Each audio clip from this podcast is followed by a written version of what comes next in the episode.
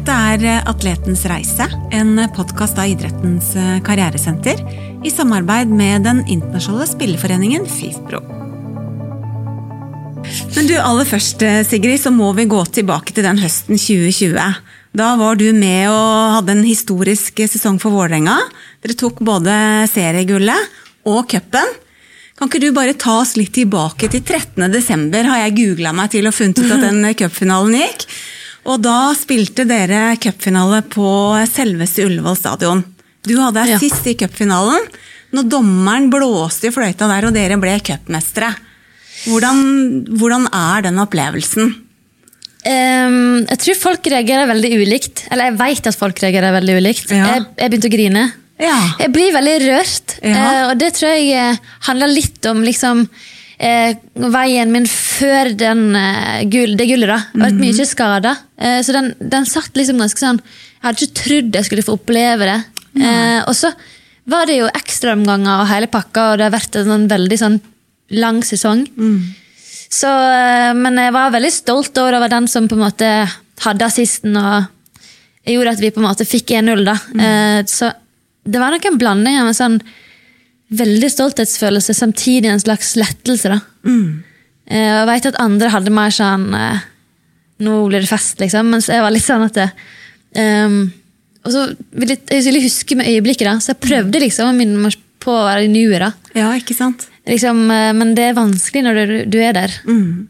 Vil du si at det er en av de største øyeblikkene fra idrettskarrieren din? Eller fotballkarrieren din? Eller? Uten tvil. Ja.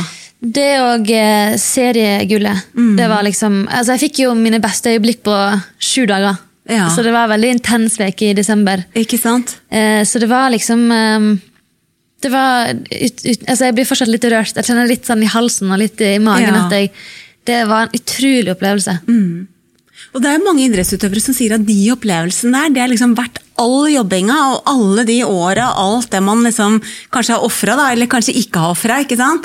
Og, det er liksom, og det er jo de opplevelsene man har med seg videre også. De sitter jo lagra der, gjør de ikke det? Du sier jo at du kan hente det frem nå og kjenne at du blir rørt nå også. Ja, og jeg merker veldig sånn um, Ja, altså som du sier, det er veldig sånn det, Da er alt verdt det. Og jeg føler liksom at jeg, var gjennom, jeg har vært gjennom ganske masse drit mm. i min idrettskarriere. Og jeg er veldig åpen om at det å være toppidrettsutøver er liksom ingen dans på roser. Eh, tvert imot, syns jeg. da. Eh, så liksom, det å kunne Altså, jeg hadde gjort alt igjen. Jeg hadde sittet de to åra uh, utenfor banen. Jeg hadde spilt med alle smertene jeg gjorde. Jeg hadde gjort absolutt alt igjen pga. at jeg fikk oppleve å vinne the double. Ikke sant? Så da, da er det verdt det. Og, men jeg tror liksom at ja, mange føler det, føler det sånn, og jeg jeg er veldig stolt av det. Ikke sant, Det skjønner jeg. Det var ja. utrolig kult. Jeg satt og så på, altså. Ja. Og jeg må innrømme at akkurat der og da så var jeg en sånn liten uh, VIF-fan. Det er lov å si det, siden jeg hadde en datter som spilte på juniorlaget. ja, ja, men det er det, det vi liker å høre. Så, men, jeg merker jeg blir veldig rørt, faktisk. Det er sånn, mm. uh, etter at jeg fikk oppleve å vinne, og oppleve på en måte at drømmen gikk i oppfyllelse, nå i OL og sånn, mm. altså jeg griner hele mm. tida. Og jeg er egentlig ikke en sånn griner. Eh, men eh, jeg blir veldig rørt i det øyeblikket jeg ser at, mm.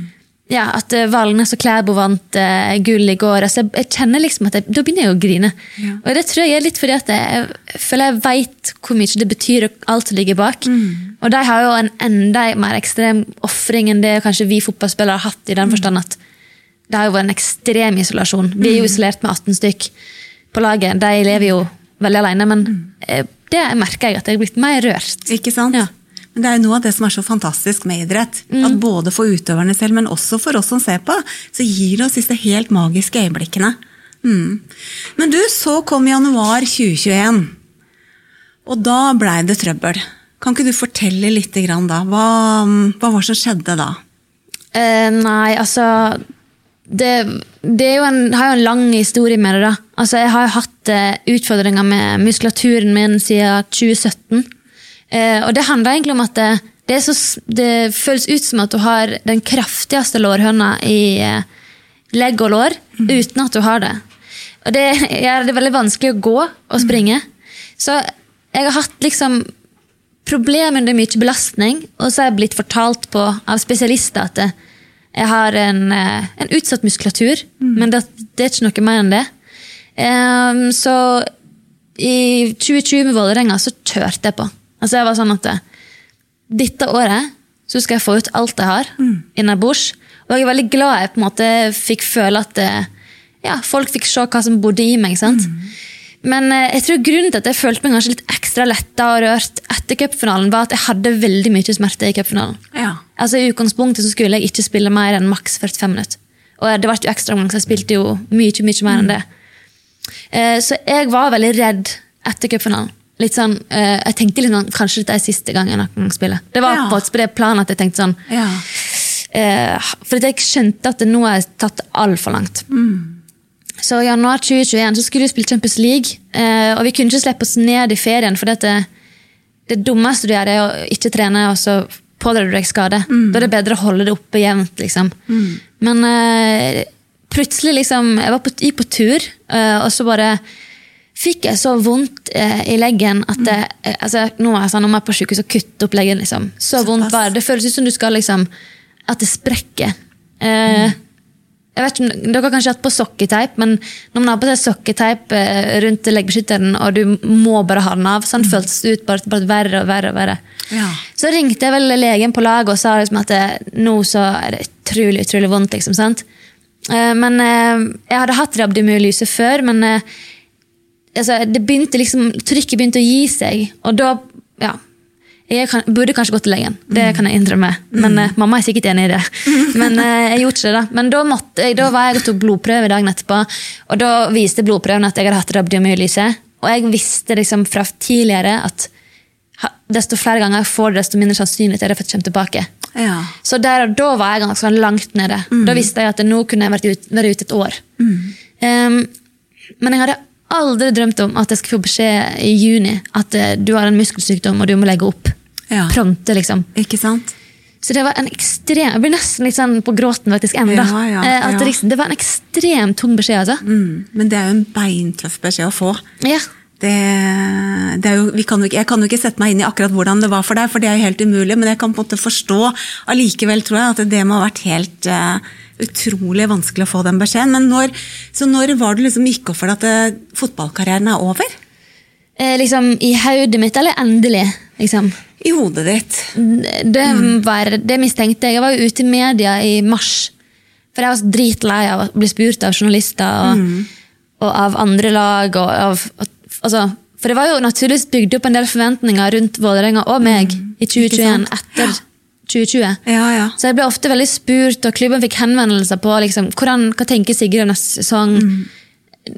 Ja, masse. Så jeg var litt sånn at jeg, jeg var så lei av å få meldinger mm. eh, der jeg på en måte ikke kunne liksom si så mye. For per dags dato i februar så visste jeg ikke omfanget. Nei, ikke sant? Eh, så gikk jeg ut i media da, og da, da ante jeg jo at Da sa jeg jo helt ærlig at og i min egen podkast at dette her kan hende det ikke går. Mm. Og det var veldig tøft meg å si mm. utad, for jeg har aldri sagt det utad før. Nei. Men det var på en måte min måte å forberede meg sjøl og egentlig gjøre det lettere for meg sjøl å komme tilbake. da. Mm. For jeg skulle tilbake. Ja. Og det, det, tror jeg på en måte jeg innerst inne liksom var helt bestemt på. Ja. Men jeg tenkte at jeg gjorde det veldig smart for meg sjøl å gjøre det liksom litt umulig utad. Mm. For da, ja, da har jeg alt å vinne. Ja, ja, um, så det var, Jeg ante det i, mars. Mm. Men jeg hadde aldri drømt om at jeg skulle få en telefon 30. juni at det, du skulle egentlig aldri vært toppidrettsutøver. Mm. Liksom. Ikke sant? Så det, men du, i den tiden etter det, og liksom har levd drømmen og, og, brukt antagelig nesten all den tiden du kan huske tilbake, da, og, hvor du har liksom satsa og trent, og liksom det å bli fotballspiller har vært den store drømmen. Så det å da eh, Plutselig så går det opp for deg at du ikke kan fortsette å være fotballspiller. Hvordan, eh, ja, hvordan har det vært? Og er det fortsatt, kanskje? Mm. Ja, jeg føler fortsatt at jeg er i sorg. Mm. Liksom. Det er veldig rart. Det er sånn, mm. Eh, for dette, jeg tror ikke folk helt Noen skjønner jo det. Det er jo mange av mine idrettskollegaer som vil forstå det. Men som i alt så har man ulike tilnærminger eh, til idretten sin. Noen, noen er dødsgode og driver med det fordi det er gøy. Mm. Mens jeg, jeg, begynte med det fordi jeg elsker fotball, og jeg mm. følte liksom at det, dette er meg. Og så har du på en måte gjort alle valg, absolutt alle valg, mm mot, og, mot idretten dine. Og jeg er ganske ekstrem. Hvis liksom, det at korona kom og jeg skulle være isolert, det kosta meg selvfølgelig litt, men jeg tror det kosta folk veldig mye mer, fordi at mm. ofringene for idretten min mm. kosta meg lite. Og det er ganske kynisk å si. Jeg har sagt nei til bryllup og sånne ting. Mm. Unnskyld til deg, mm. men helt oppriktig så føler jeg egentlig ikke så mye på det. Nei. Og det føler meg litt sjuk som sier det. Men, og det sier liksom litt hvor mye det betyr for meg. Ikke sant? Så når, eh, når jeg da plutselig ikke skulle ta valg mot idretten, mm så blir det veldig tomt. Mm. Det blir litt sånn der, Hva er det jeg skal gjøre valg etter nå? Mm. For det er sånn, du er født med en slags, Jeg føler jeg er født med en kompassnål mm. som liksom viser alle retninger jeg skal. Mm. Og da gir alt mening. Mm. Til og med liksom å spise blomkål liksom gir mening. uh, men uh, nå gir ingenting helt mening. Mm. Og da mener jeg ikke at jeg mener altså, Livet gir mening, men hva valg og retning jeg skal, det kompassen lar meg vekke. Ikke sant? Og mm. det, det, det, føler jeg fortsatt på. Mm. At, eh, men nå Men ja. Jeg har liksom alltid hatt en tilnærming til motgang. At jeg skal prøve mange ulike ting. Mm. At jeg skal ikke stå fast. Det er min største utfordring. Mm. Det at jeg sliter ekstremt med å stå i ro. Ikke sant? og finne liksom kompassnåla, eller sette retning på kompassnåla videre. Ja, Men jeg kjenner liksom ikke til, Dette er liksom problemet mitt i dag. Jeg kjenner ikke til et liv og interesse og egentlig verden uten fotball. Nei, ikke sant? Så jeg må på en måte bli kjent med meg sjøl. Ja, ja, på nytt. Eller ja. altså i hvert fall Ja, ikke sant? Mm. Folk, sier liksom, mm. folk har jo sagt til meg at Sigrid, du har jo alt, du har alt foran deg. Mm. Og du har jo alle muligheter. Mm. Liksom, og det elsker jeg at folk sier, for jeg selvfølgelig får jeg jo tro på det. og sånne ting, Men det betyr ikke en dritt, egentlig, for alt jeg vil, er å spille fotball. Ikke sant? Og det høres helt sjukt ut for mm. folk som ikke er i mm. bobla eller har levd det livet jeg har levd. Ja, jeg tror Men det er det. Mm. Karoline fortalte jo Dyre Breivang det er fire år siden hun ga seg. Nå liksom føler hun at hun eh, Det er ikke for å ta fra deg motet, altså, men, men, det er noe med å være ærlig på at det tar tid. ikke sant? Ja. Det tar tid. Og det å tåle å stå i ubehag, det er jo noe alle frykter. Særlig følelsene. Ja, det jo, Men det er veldig spesielt. Mm. er Du ser jo at det går til helvete med enkelt Unnskyld. Ja, men det er ofte eh, De historiene er det litt mer sammensatt enn som så. Ja, det er sånn ikke sant? Så det er gjerne Det går som regel bra, det bare tar mm. litt tid. Mm. Det, det, er så mm. Men, ja, mm. vanskelig. Men det, eh, det, går jo bedre, da. Det er ikke det. Men eh, det er liksom, du, kjenner, du tror du kjenner deg sjøl, liksom. Ja. Og at du har kjent på en måte For jeg har jo kjent motgang, mm. men jeg har jo ikke kjent på en tunghetsfølelse. Nei, men det er jo liksom det at det er på en måte, det er jo ett kapittel i livet ditt som er avslutta. Ja. Ikke sant? Det er, eh, det er og, det, og det er klart at du nevnte det med sorg, ikke sant? Og det, det er um, det er liksom, det er på en måte Vi snakker ikke om døden her, så det er, det er liksom Men ikke sant, det er, det er, på en måte Det er noe som liksom er ferdig. Mm. Det er noe som liksom sånn helt sånn og det, og det, er klart at eh, for deg som, og Du sa jo også det med at du måtte ha hatt et sånn klart kompass. ikke sant? Alt har blitt styrt mot fotballen. Du har hatt liksom en sånn klar retning. og Det vet vi jo at det mennesket på en måte, det er en viktig bit i livet, det å liksom ha en sånn klar retning det bidrar til mening og liksom et verdi altså, ja, et, et, godt liv, da, rett og slett, selv om mm. det kan være tøft og motgang og alt mulig. ikke sant? Men da har du liksom en sånn klar retning, og når den liksom ja, du, du sa det så fint med det kompasset. ikke sant? Når mm. det kompasset blir tatt fra deg, liksom, så, så, blir man jo litt sånn uh, famlende ut på dette havet. da, ikke sant? Og hvor, hvor skal man, liksom? Ja, og det er, så, så ekstremt, det er liksom så ekstremt som at jeg tar valg ut ifra at jeg er fortsatt idrettsutøver. Ja, så for sant? meg å liksom ta fri en kveld, ja. eller det å bli med på mm. ja, et vors, det har jeg fortsatt sagt nei til. Mm. Og jeg skal liksom til Berlin-familien min i mai, tenker jeg at ja. ah, det kommer til å komme en kamp.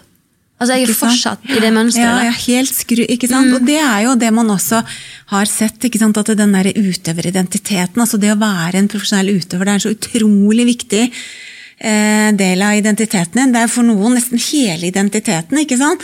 Så, så du, du, liksom, du, du, mister deg sjøl litt i den prosessen. Så mm. man må på en måte bli Eller man må jo ikke, men det er, liksom, det er en prosess med å bli kjent med seg sjøl på nytt. ikke sant? Ja, ja. Og stake ut en ny kurs. Og det, og det, er jo ikke gjort over natta. Og da handler det også om å tåle å stå i det ubehaget. da. Mm. Rett og slett å møte det. som du, Det virker jo som du gjør det, og så har du litt sånn distraksjoner innimellom, og det er jo smart. Ja. Det er ikke vits å stå i det ubehaget hele tiden. Eh, da kan man jo bli deprimert. Mm. Så, så, det gjelder å finne en sånn passe balanse da, mellom ja. å møte det og gjøre ting. Mm. Ja, men jeg syns det er vanskelig, for jeg, jeg, tror jeg er sånn enten så mm. altså Jeg er mer sånn der jeg blir utbrent, liksom. For dette, nå, nå, har jeg så mange muligheter utenom. For vanligvis så Nei, kanskje det, kanskje det, kanskje det. Mm. Men nå har jeg på en måte liksom veldig hyggelige forespørsler på å bli med på ting. Ikke sant? Og så er jeg ikke vant til å si nei. Nei, Nemlig. Så det er liksom grensesetting som er en ja. av dine store nye ting nå. Ja. Det, og det hører jeg mange idrettsutøvere sier, at livet blir utrolig travelt når man er ferdig. Mm. Og det er jo ikke det at det ikke har vært travelt når, når man har vært aktiv utøver, men da har det vært så veldig retta inn mot trening, restitusjon, kampforberedelser, og alt har liksom dreid seg om det. Mm. Og så plutselig ikke sant, så har det liksom ikke det å navigere ut ifra. Og så har jo jeg skjønt når vi har snakka sammen at du faktisk har vært, er i en situasjon hvor det er mange som har lyst til å ha deg med på laget, og det er jo tross alt positivt, men da kommer den grensesettinga inn da, og blir ja. viktig. Du kan ikke få med deg alt. vet du. Nei. Og så nei. lyver jeg for at jeg lyger og sier nei, jeg kan ikke, for jeg skal ta det flyet, og så skal jeg jo ikke det. Men det er fordi jeg klart sier nei. Det kaller, en, nei. det kaller vi en hvit løgn. Ja. Det er liksom en sånn eh, Ja, ikke sant? Så mm. Men uh, alle de gode strategiene du har hatt for å bli god i idrett, det spørs om ikke du må lage deg noen nye gode strategier nå for å grensesette. Mm. Ja, så at du får lagd deg et godt liv videre. For ja. det er det jo alle mulige muligheter for. Ja, jeg håper det. Jeg, tror, jeg har veldig det. trua. Jeg har veldig trua. men, det, er vanskelig. Altså. Og så er det også vanskelig sånn, Jeg vet ikke et liv ut For en ting er sånn Ja, jeg var i det forholdet, da. Eh, da har jeg kjent meg sjøl før det forholdet mm. og etter det forholdet. Mm. Men eh, eh, fotball er på en måte en kjæreste jeg har hatt siden jeg var født. Ja. Så jeg vet ikke hva det var før det. Nei, ikke sant? Så det er, liksom, det er skikkelig rart, egentlig. Det høres jo ut som fotball skal være en del av eh, livet ditt videre, bare i en litt annen rolle. Ja. Så vi får se om, det, om jeg trives med det. I hvert fall i en overgangsfase. Det kan hende det er en overgangsfase. ikke sant? At du gjør noe med fotball nå, og så kan hende du skal fortsette å være i fotballen i en eller annen samme rolle enn en annen rolle, eller det kan være at du også går ut av fotballen. Det er jo Tiden vil vise. Tiden vil vise. Men hva er det som har vært viktig for deg i denne perioden? Um, altså, det, det, er vanskelig å si, for dette, jeg veit per dags dato heller ikke hva som har vært viktig. Jeg har bare prøvd det meste. Ja, ja. Altså, Jeg var hjemme med familien min. Mm. Um, når jeg fikk beskjed, jeg bare reiste hjem, for jeg visste jeg skulle få telefon fra sykehuset. Og akkurat den jeg tålte seg å ha i Oslo. Uh, liksom, mm. Så uh, jeg var masse med familien min egentlig hele sommeren. Mm. Um, og uh, jeg elsker det. det er, altså, jeg mm. er så heldig med den familien at mm. jeg har fire søstre, en tvilling, og vi er veldig nære. så de har liksom gitt meg, har alltid gitt meg en sånn enorm trygghet i livet. Mm. At uh, uansett hva jeg gjør, mm. så har jeg dem i ryggen. Så jeg er liksom, det å være rundt dem gir meg en sånn eh, eksistensiell ro. Mm. Men likevel så følte jeg liksom at uh, jeg er på feil plass. Altså sånn, Det å være hjemme, det er liksom å uh, Ja. Jeg følte ikke jeg kunne på en måte møte utfordringene mine eller møte det tapet hjemme. Nei. Jeg følte jeg måtte til Oslo. Mm. Og det gjorde jeg jo, da. Mm. Um, og da møtte jeg jo, hadde jo gitt beskjed til Vålerenga i juni at um, til Eli Landsheim at det, jeg må slutte, liksom. Mm. Og fy fader, så fin hun er. Mm. Hun var sånn Uansett hva, så, ha, så, har vi ryggen din, på en måte. Og vi skal hjelpe deg uansett. Og, og all honnør til Vålerenga for det. Mm. Men jeg sa at hun ikke skulle gi beskjed til eh, venninnene mine. lagvenninnene. Mm. mm. Så det var liksom det første som hjalp meg, men som var veldig vondt. Ja. Det var det at jeg måtte møte det. Ikke sant? Jeg måtte liksom stå på Intility og mm. si det til mm. deg. Å, herregud, jeg grein. Mm. Vi alle sto ut på gressmatta etter jeg sa det, og grein.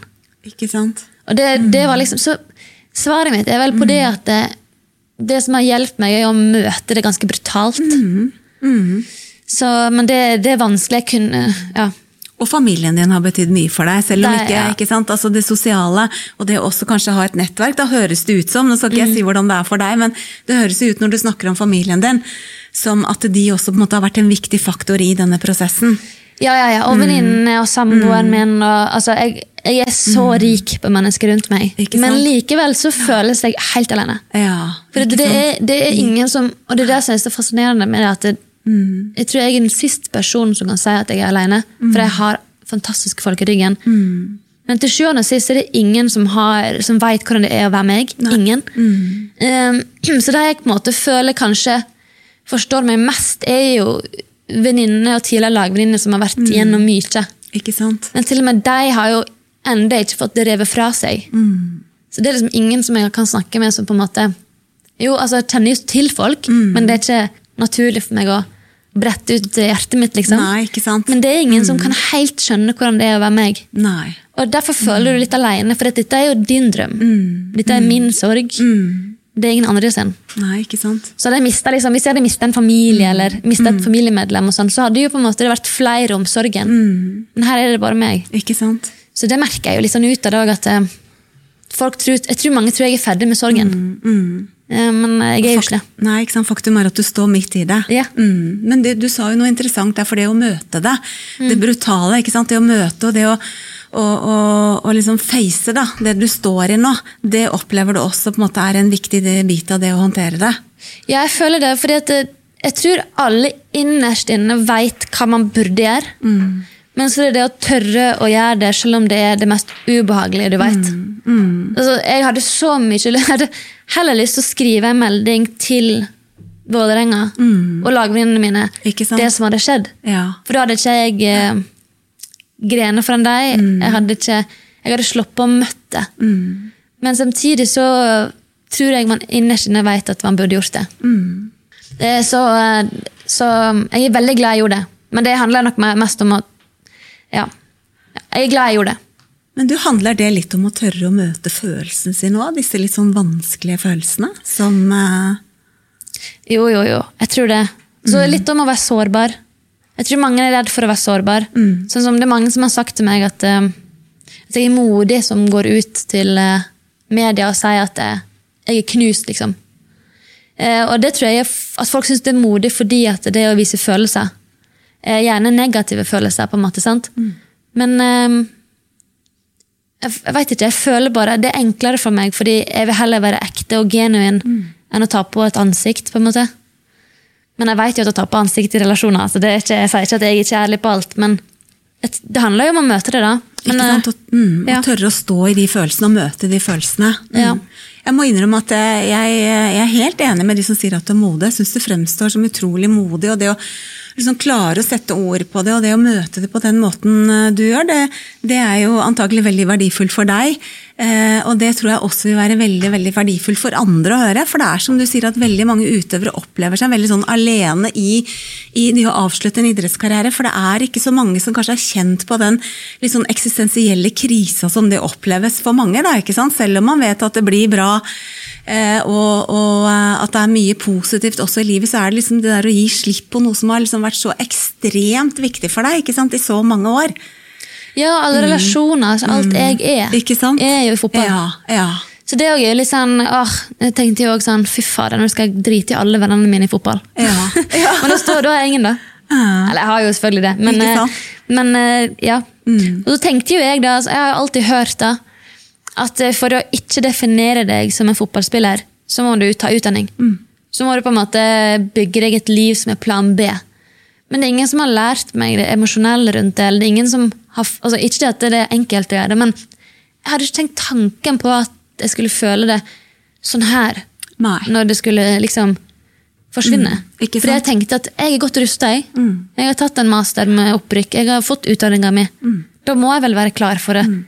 en plan B? Men jeg tror det der å møte, eller det å forberede seg på de følelsene og den sorgen sant, som kommer, det tror jeg kanskje er ganske vanskelig. Det er viktig å ta utdanning. Og apropos det, du, jo, du, du sa jo til meg når vi også snakka sammen litt tidligere, at, eh, at, du er sjeleglad nå for at du har tatt utdanning underveis. Eh, kan ikke du si litt om eh, ja, Hva var motivasjonen din for å liksom fortsette etter videregående og bare fortsette bånn gass med utdanning parallelt med at du også kjørte eh, på for fullt med fotballen? Eh, jeg kan være brutalt ærlig og si at eh, i 2014 så var økonomen piss i fotballen. Så det er sånn, du har ikke noe alter Og det, jeg, det blir jeg så forbanna av å snakke om. At uh, da så hadde ikke du sjans til å spille fotball fulltid uten det utdanningsstipendet. Så det er sånn, det var ikke en tanke for meg å ta et friår. Og det handler jo mest om det økonomiske. Ja, det er en faktor i det. det skal ikke jeg lyve og si. Nei, nei. Ja. Eh, men samtidig så har alt, jeg blir veldig stressa når jeg ikke har så mye å gjøre. Jeg liker å være på farten. Jeg liker ja. at ting skjer. Ja. Eh, så, og pappa og mamma har veldig opptatt av at utdanning er viktig. Ikke sånn press, nå skal du få sex på alt, liksom, mm. men opptatt av at det, det, er viktig å ha utdanning, for det er det du skal gjøre resten av livet ditt. Mm. Og at uh, fotball er likevel bare en, en, kort periode av livet ditt. Ja. Uh, så jeg begynte rett på utdanning, og det var aldri et valg for meg å ta et friår. Nei, aldri. ikke sant? Men, no, men, når du sier sikkert at noe av motivasjonen din for å fortsette å studere var fordi at du trengte det utdanningsstipendet, hva tenker du litt sånn i dag, nå som kvinnefotballen har fått et ordentlig løft, da, og det kommer mer og mer penger og det blir mer og mer proff hverdag for dere utøvere, tenker du at det også kan være en litt sånn eh, fallgruve i forhold til at det er en del jenter som kanskje dropper å ta utdanning fordi at man i større grad kan leve av det å være fotballspiller? Ja, altså da, blir, da, nærmer vi oss eh, gutta, og det må ikke vi. Mm. Nei, ikke sant? Nei. Nei eh, jo, jeg tror det.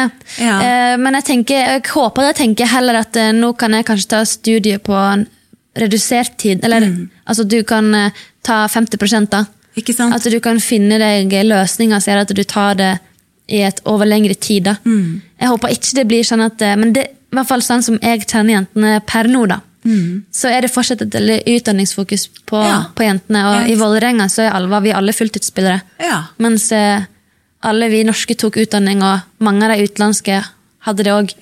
Så vet ikke. Jenter er veldig flinke på det der. Nemlig, så Det er kanskje en kultur som er ganske sånn eh, innarbeida i, eh, i systemet. Men det betyr at du, hvis du kunne vært eh, fulltidsutøver da, parallelt med at du studerte, så ville du kanskje redusert noe på studietrykket. For du sa at du, du har studert full tid nesten hele veien, har du det? Ja. Mm, mm. Ja, altså Men samtidig, så, og kan jeg, jeg, kan gi råd til det, mm. til unge jenter, men samtidig så er jeg så sta. At jeg har så lyst til å gjøre det 100% Så ja. det er for meg å være en del av et studieløp og på en ja. måte ta eksamen med et annet kull, ja. det sitter så langt inne. Ikke sant? Så det, mm. Første gangen jeg utsatte noe, det var masteren min. Mm. Den skrev jeg på to år istedenfor ett. Men eh, det er også satt veldig langt inne. Eh, fordi jeg har så lyst til å bare gjøre, klare det. Mm. Eh, så ja, det hadde Men, eh, men man blir dritgod da, langs med på å kombinere det. Altså? Det, karakterene mine var helt fine. Mm. Selv om det var et heftig trykk.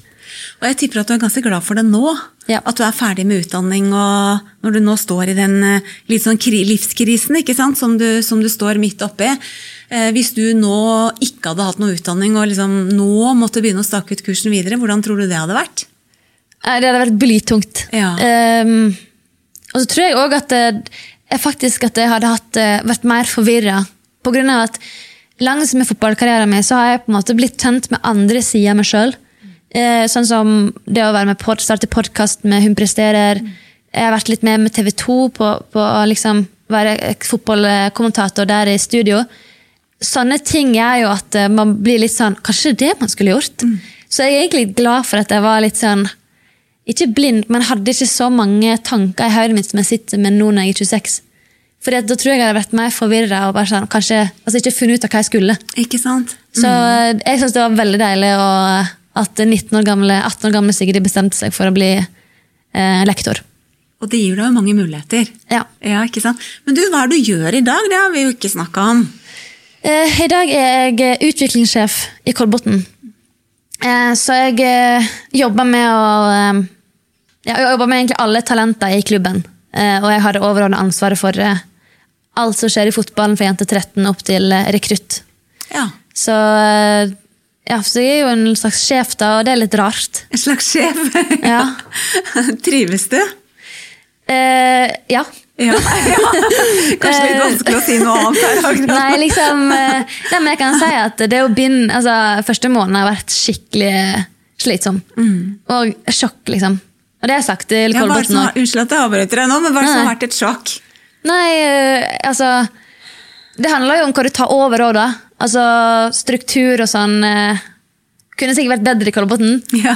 um, nei, og så er det jo òg det at du skal liksom lede folk, du blir kjent med nye folk. Mm. Og så starter jeg på heimekontor. Så det er sånn, For å helt tatt få, altså et svar på kan jeg trykke ja eller nei på det her, mm. så må jeg ringe eller sende mail. Så det er sånn, hadde jeg bare kunnet nå i, når koronaen eh, tar seg en chill-pill, så kan jeg liksom gå inn døra og bare dø. Skal jeg drikke? ja? Ja. Ok. 15 mm. sekunder istedenfor å vente en time. Så, um, og så er det òg det der at du har et eh, ansvar for veldig mye. Og eh, ja, jeg er ganske sånn Jeg er veldig utålmodig. Så jeg klarer ikke å sette ting på vent. Men det har vært en bratt læringskurve der, skjønner jeg. Ja. Mm, mm. Skikkelig. Mm. Og, og, kult. Ikke sant? Ja.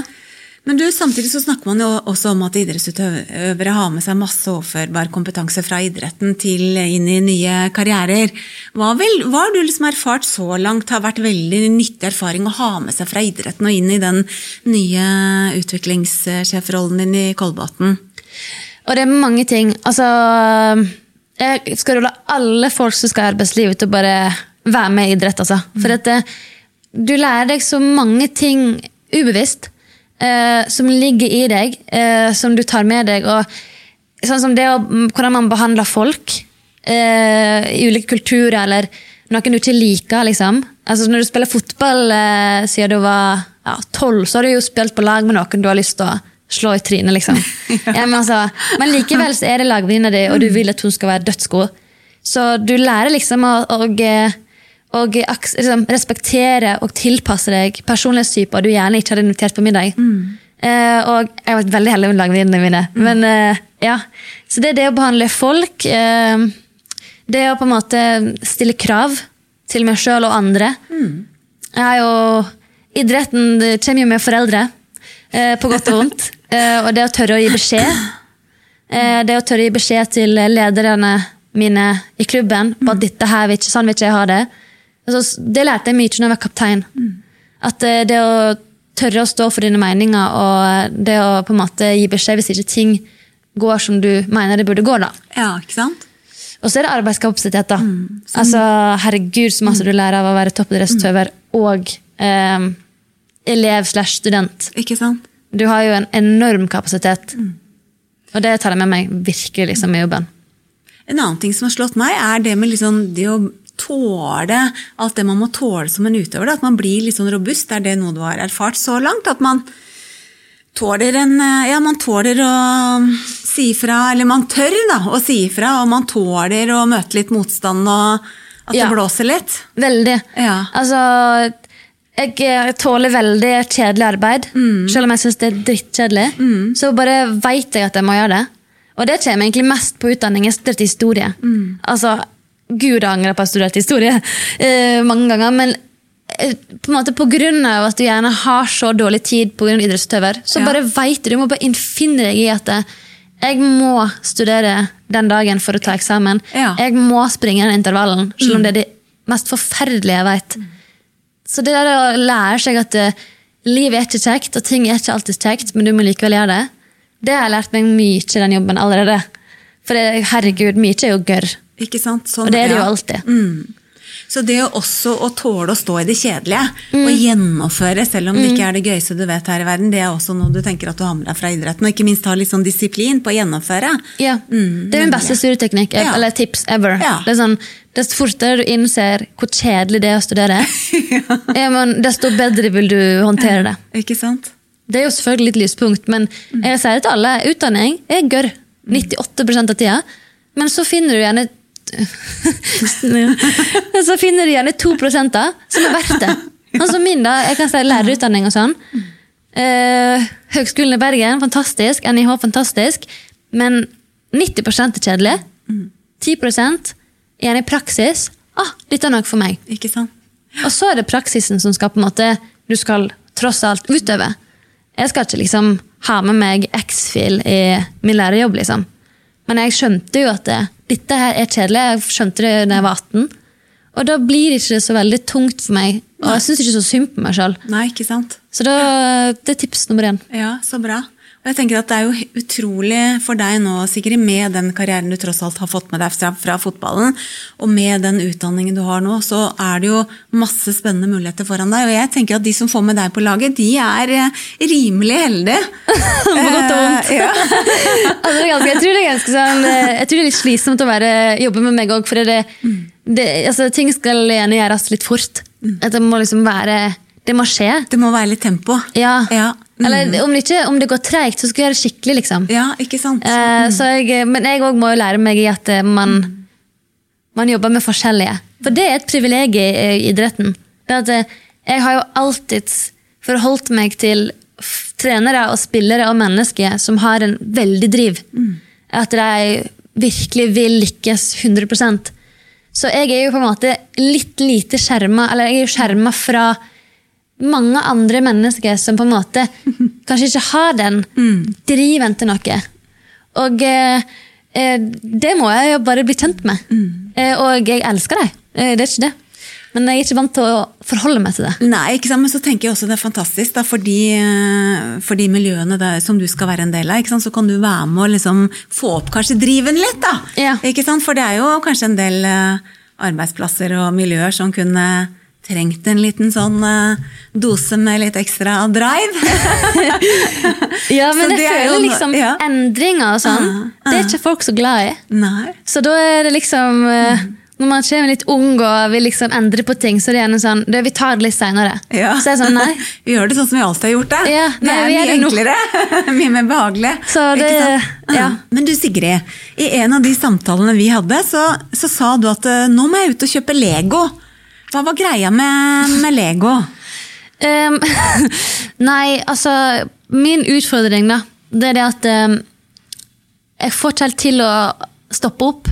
Altså sånn, Hvis jeg skal for eksempel, slappe av, da, uh, eller det har vært veldig masse en periode, da, så syns jeg det er vanskelig å slappe av ved å se på serie, for da kan du koble ut. Du kan liksom tenke på noe annet. Men sånn legobygging og sånn, jeg klarer ikke å tenke på liksom øh, Oi, ja, nå gjorde det litt vondt i hjertet, eller å, jeg skulle gjort det, jeg skulle gjort det. Når jeg liksom skal sette sammen en oppskrift.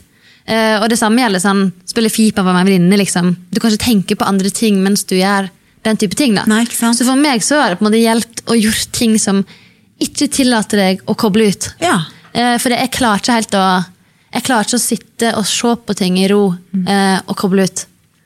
Men du, da ble jeg litt nysgjerrig. for når du sier koble ut, så når du bygger Lego, da, så må det kreve såpass med oppmerksomhet at du klarer ikke å ha fokus på tankene samtidig. Ja. Så er det det å koble ut, eller blir det en sånn liten sånn tankeflukt? Ja, Det blir liksom en tankeflukt. det er begge deler. Ja. Så, sånn som i sommer, når jeg, var, når jeg, hadde fått beskjed om at jeg måtte legge opp, så det første meg og tvillingen min gjorde, det var å bygge liksom to blomsterkasser ute til huset. Eh, fordi at det, da rekker jeg heller ikke å, å liksom, tenke på ting. Så det er praktisk arbeid uten at det liksom Praktisk arbeid funker veldig godt. Ja, Men skulle jeg gå tur, for eksempel, ja. så hadde jeg jo rukket å tenkt på absolutt alt i livet mitt mm. hvis jeg gikk en halvtimes tur. Ja. Så det funka for meg hvis det blir praktisk sant? arbeid med litt sånn logisk tenking og sånn. Ja, litt sånn eh, Du får eh, oppmerksomheten din nok over på noe annet, sånn at ja. du får det vekk fra tankene dine. Ja. Men vi var litt inne på det videre, det der med å liksom romme følelsen og kjenne, tillate deg å kjenne på det som er vanskelig. Ja. eh, jobber du, Er du i prosess på det, eller at du, er, er, det, er det et tema? å liksom tørre tørre å kjenne på det? Ja, altså Jeg har vært masse til mentaltrener. Ja. Eller masse, masse. Jeg har vært en eh, sånn en gang i måneden, kanskje. Ja. Eh, I en periode i fjor. Eh, og eh, han sa jo liksom sånn at jeg måtte møte ting. Mm. Jeg, må liksom, jeg må ikke springe vekk. Eh, og eh, jeg føler at jeg har vært flink til å møte ting. Ikke sant? Men så, det syns jeg kanskje er litt viktig å snakke om, for det, det kommer jo på på et tidspunkt der hvor lenge skal du stå og slå deg selv i trynet mm. hver bidige dag. Ja. Og det var jo på en måte litt av bakgrunnen min for at jeg valgte å ta utviklingssjefjobben i Kolbotn. var fordi at jeg eh, Nå har jeg stått og sett på Vålerenga trene og spille kamper på en tillit til stadion mm. hver bidige dag. Og det er jo drømmen min. Det, er liksom, mm. det er jo den som ble fradratt meg. Mm. Så når jeg tok det valget, så tenkte jeg springer jeg, eller møter jeg følelsene mine nå? Mm. Og eh, jeg har ikke svaret på det. Hva enn jeg sprang. Mm. Men uh, det kom på et tidspunkt der at jeg, jeg, Nå har jeg stått i det, og nå trenger jeg distanse. Mm. Um, så jeg jobber med det nå, da. Sånn at det, når jeg går tur og sånn, uh, så prøver jeg å ikke høre på podkast og sånn. Prøver liksom å liksom, være venn med roen min, da. Mm. Uh, så da liksom I forgårs gikk jeg til bygda helt stille, liksom. og første sånn 20 minutter, litt krisemaksimering i hodet. Mm -hmm. Men så ble liksom litt sånn andre ting interessant. Da, ja. kunne jeg faktisk tenke ja, det huset var faktisk ganske fint. Det kryr av fine, fine hus. Mm. mm. Men, eh, så da ble det de tankene i stedet for hva må jeg gjøre? Jeg burde ringt han, jeg burde fikse det på jobb. jeg burde, å, Føler jeg meg bra? Altså, så det Ja, jeg jobber med det. Ja, Men i begynnelsen så var det veldig gunstig for meg å, mm. Å gjøre ting. For da dyrker ikke du den tunge følelsen i deg. Mm. Samtidig som du følte at du bevegde deg litt fremover. Ja, jeg har så angst for å mm. stå fast. Ja, for å stå fast. ikke ja. sant? Mm. Og det har hjulpet meg med utdanninga. Mm. For når jeg har vært skada med fotball og stått fast i drømmen min, da, mm. så har det likevel hadde hjulpet meg veldig å studere, for da vet jeg at ok, men nå beveger jeg meg fremover i mitt andre liv. Jeg kaller det for andre liv, ja, ja. for mitt første liv er fotball, og mitt andre liv er utdanning. Mm. og det vanlige liv. Så da har jeg følt at jeg har beveget meg fremover på et visst punkt. punkt. Mm. Så det syns jeg er litt trist når jeg eh, Eller det syns jeg er litt kjipt når jeg hører skada utøvere ikke har utdanning. fordi jeg tror innerst inne at man føler at den tida er rett og slett kasta vekk da, ja, Da står det litt på vent. Ja. ikke sant? Mens jeg kan mm. si at ja, når jeg var ute det, når jeg venta på det svaret der nå i 2021, det halvåret, så skrev jeg ferdig masteren min. Nemlig. Så det mm. Ja. Og det, det, um, har jo Karoline Dyhre Breivang, tidligere håndballspiller, også sagt. At når hun var ute med korsbåndskader og andre typer skader, og sånn, så speeda hun også opp tempoet på utdanningen sin. ikke sant? Og fikk liksom, følte at hun gjorde noe. da. Ja. Så, men du, tilbake til det å ikke bare sitte og se på Vålerenga spille, spille fotballkamper. Det høres jo ut som det er smart å, å, å, ta litt sånn regi på eget liv videre, og ikke bare sitte og bli minnet på at det her skulle jeg også vært. Det høres ikke ut som en flukt, det høres ut som en veldig smart strategi strategi, egentlig. fordi det å bare sitte og se på, liksom, få assosiasjoner på at det var jo her jeg skulle vært, det er jo eh, antagelig heller ikke noe smart måte å, gå videre på. Plutselig så kan du sitte der og så kan du glede deg på dems vegne, og så har du det mer og mer som egne minner, ja. enn at du liksom sitter og ripper opp i det som ganske nylig på en måte har vært eh, din, ditt liv og din hverdag. Så jeg tror ja. ikke du flykter, jeg tror Nei. du har vært ganske smart. Håper det. Men jeg tror det er, liksom, det er en utfordring, da, folk som er skada og sånn. Mm. Jeg, kan jeg nå drite i det og være hjemme og ta vare på meg sjøl, eller mm. burde jeg være på trening? Mm. Og der er det sånn Det irriterer meg at eh, For jeg har dårlig samvittighet hvis jeg liksom, gjorde det som var best for meg. Ja. For du er en del av et lag. sant? Ikke sant? Eh, jeg tror det er samme som eh, tvillingen min var sjuk på mandag. Eh, og hun har dårlig samvittighet fordi hun ikke kunne gå på jobb. Så er, jeg, jeg, og hun, altså, jeg er veldig samvittighetsstyrt.